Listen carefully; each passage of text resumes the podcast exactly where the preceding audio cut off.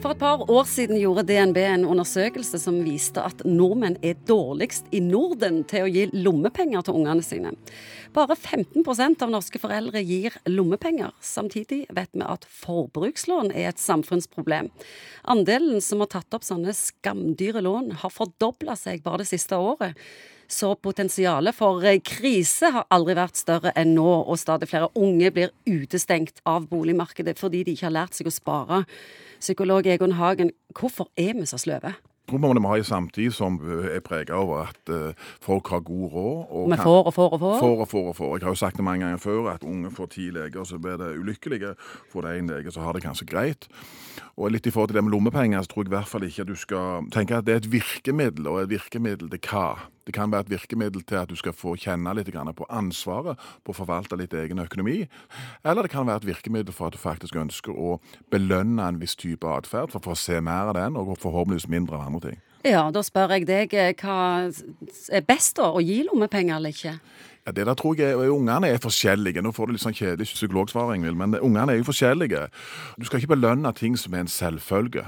Det må være på en måte en effort som ligger bak det, og personen må oppleve at det er et forhold mellom en eller annen form for ytelse og en eller annen form for økonomisk kompensasjon. Ja, jeg har tenkt litt på det at jeg syns det er rart når foreldre betaler ungene sine for å gjøre noe de egentlig bare skulle ha bidratt med i familien. Det virker som alt har sin pris. Ja, du kan få en følelse av at du er innleid i denne familien, egentlig, og det er en sånn leasingavtale mellom den unge håpefulle og foreldrene.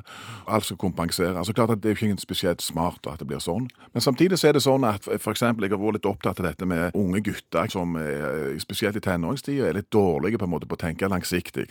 Og Man snakket om det før, at jentene knuser inn på universitetet og tar alle de kule studiene. Og hvordan blir det egentlig med disse guttene? Det Akkurat der kan det være ganske lurt å tenke at hvis guttene har problemer med å se langsiktige konsekvenser av ting, så vet jeg at det er mange gutter som tar poenget med at ok, for hver femmer jeg får, for hver sekser jeg får, så får jeg betalingen fra mor og far.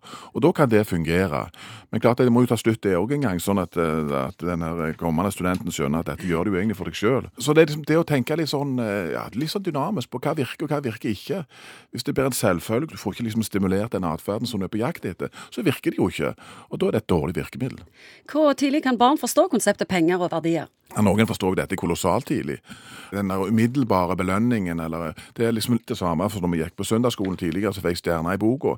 De tingene der virker. Ja, så det blir litt vanskelig å konkludere. Skal en inngå avtaler, ikke avtaler, eller hva avtaler? Faste avtaler, eller tar det etter behov, eller guttene får lommepenger, jentene ikke? Du må se hva som virker, fordi at ungene er så enormt forskjellige. Og, men det er i hvert fall ikke noe poeng å bare gi helt slavisk for ting som egentlig ikke skulle egentlig vært belønna, men som er en selvfølge. Det å holde orden på sitt eget rom, f.eks. Trenger du egentlig ha betaling for det? Men hvis du gjør noe for fellesskapet, hvis du tar ut oppvaskmaskinen eller gjør et eller annet som handler om de andre, så syns jeg at det er mer naturlig å tenke at du skal få belønnes for dette. Men ikke belønn selvfølgeligheter. Det er bare tull. Alle har godt av å få en følelse av at du er faktisk med i en liten gjeng her, og vi prøver å drive et lite prosjekt, og du må faktisk bidra, du òg. Skal ikke betale for alt. Sånn ville jeg tenkt. Hva gjorde du med dine unger? Det var litt forskjellig. De fikk lørdagsgodt, og så begynte vel litt grann når de begynte på skolen, for litt med karakterer og alt dette. Det var ikke alle så, som skjønte liksom de langsiktige konsekvensene av å ikke følge så godt med. Og der fungerte det helt strålende, faktisk. For de pengene, de forsto de. Så litt av det tipset i forhold til guttene, det er òg å hente litt på til egen erfaring, faktisk.